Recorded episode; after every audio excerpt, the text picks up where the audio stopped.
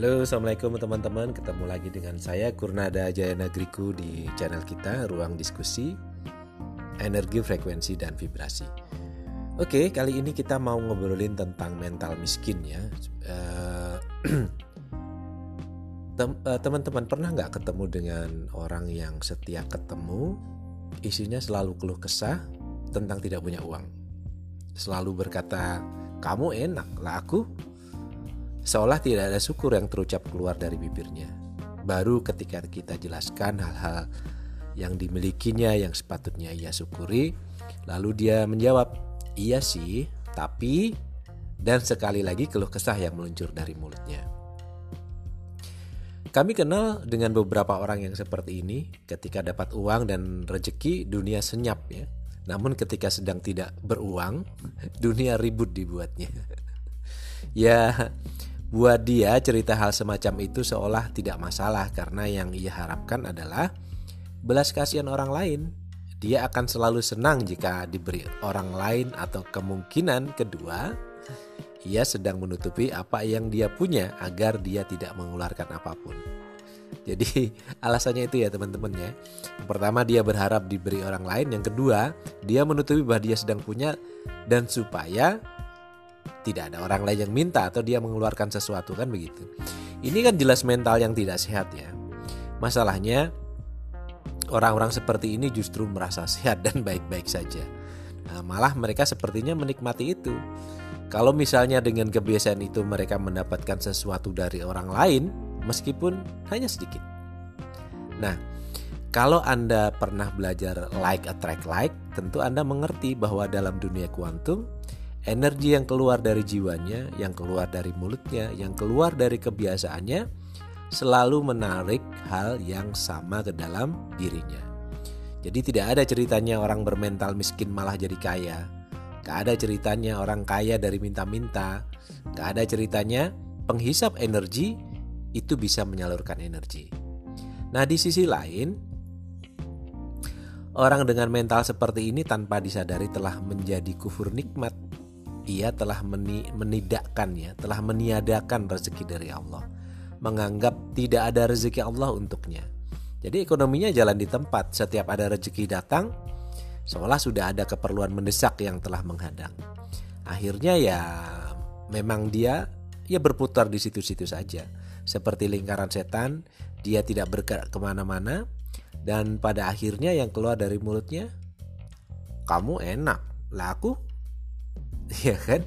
Nah, orang seperti ini kalau Anda suruh mendengar ini pasti mereka gak terima. Kamu gak ngerti sih. Coba kamu jadi aku. Intinya mereka menolak berubah. Mereka bahagia dengan segala kesedihannya. ya gimana ya? Tapi memang ada kan orang seperti itu. Teman-teman, tapi sebenarnya mereka kasihan loh. Kenapa? Karena saya pernah ada di posisi itu. Saya orang yang keras kepala dan susah dikasih tahu. Untungnya saya suka belajar ya, saya suka membaca, saya suka eh, menggali informasi dan untungnya lagi eh, kasih sayang Tuhan itu begitu luas melebihi kedongkolannya pada saya.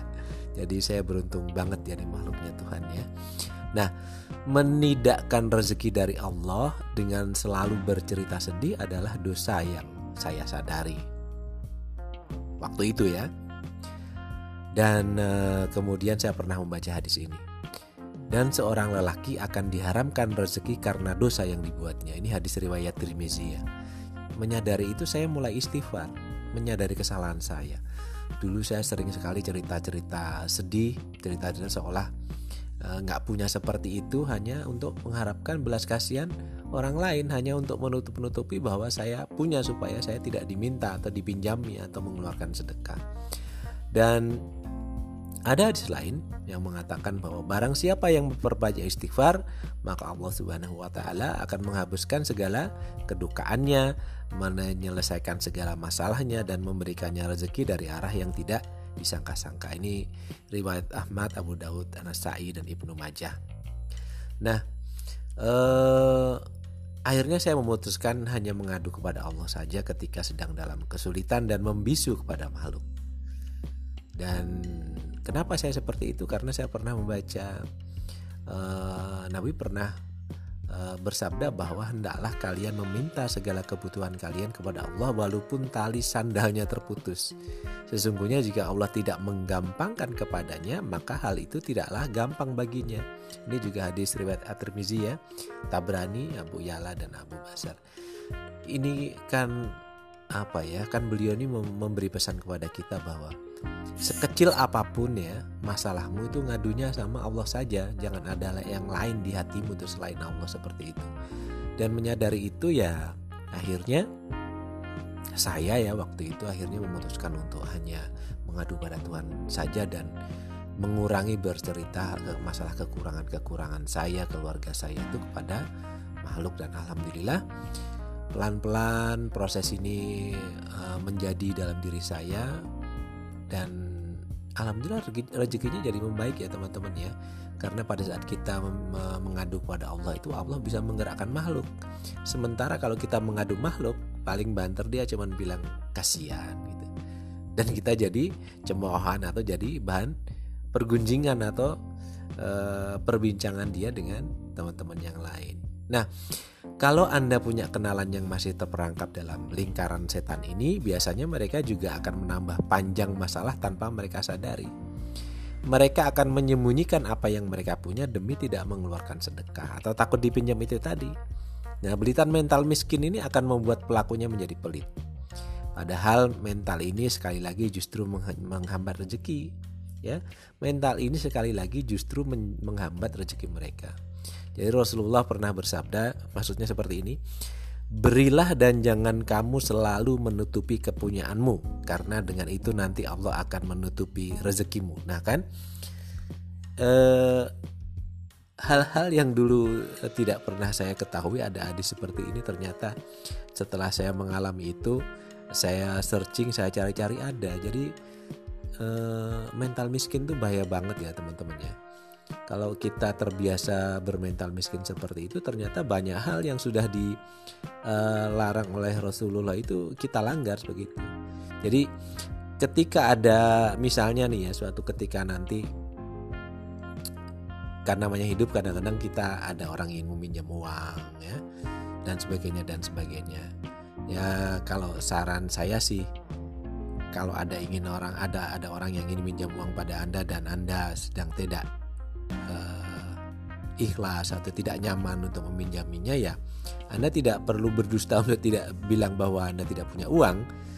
Uh, misalnya kan kadang-kadang butuh wah lagi nggak punya uang nggak perlu seperti itu. Jadi bilang aja bahwa uh, saya sih punya uang tapi sudah ada posnya karena saya punya keluarga juga dan keluarga saya misalnya perlu itu gitu. Nah kalau dia orang baik sih mestinya paham ya. Tapi ada juga orang yang tidak baik kan. Kalau kamu kan bisa nanti aja. Oh, segala macam. Ya biasanya orang seperti itu memang egois seperti itu. Jadi mental miskin ini kan tujuan utamanya. Tadi yang pertama adalah kalau bisa dia mendapatkan eh, sesuatu dari orang lain kan. Karena orang mental miskin dan pelit itu biasanya seperti itu. Yang kedua dia egois gitu. Jadi kalau anda bilang seperti itu ya dia akan maksa. Tapi kalau dia maksa seperti itu ya bilang aja maaf tidak bisa karena saya juga punya keperluan sendiri. Sudah. Oke, kalau Anda masih ingin bermurah hati ya kalau nggak mau pinjamin ya dikasih saja lah. Disedekahi saja. Kalau berat hati juga ya lupakan saja. Jadi kalau berdasarkan pengalaman sih ya, sepertinya saya mengerti kenapa Anda tidak minjaminya kan begitu kan? Karena pasti Anda punya alasan tertentu sehingga Anda eh, menutup diri untuk orang tersebut. Ya intinya ya teman-teman eh, mental miskin itu bagaimanapun ternyata eh, mengundang banyak masalah tanpa kita sadari. Dan faktanya tidak ada orang yang kaya dari meminta-minta dan tidak ada orang kaya yang bermental miskin. Yang ada justru ada orang kaya adalah orang yang bermental kaya dan gampang bersedekah dan gampang membantu orang lain. Dan uh, mudah-mudahan Anda dan saya juga kita semua itu dijauhkan dari mental miskin karena kemis, uh, mental miskin lebih susah diberantas dari kemiskinan itu sendiri.